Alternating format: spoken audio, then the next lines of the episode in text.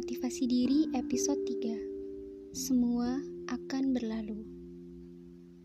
Mungkin dirimu yang dulu bahagia, ceria, dan tangguh.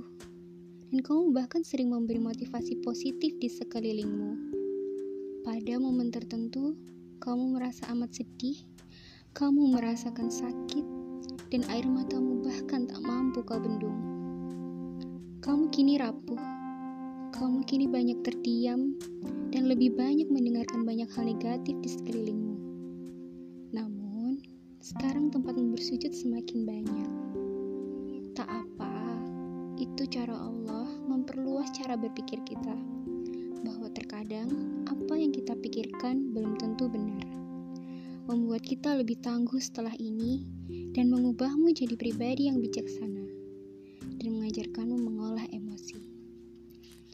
Kini kamu tahu bahwa tempatmu bersandar dan berharap sepenuhnya hanya pada Tuhan. Mungkin ini cara Tuhan mengajarkan kita suatu hal terbaik agar kita tak berjalan terlalu jauh pada keburukan. Tanpa Allah, kita bukan apa-apa.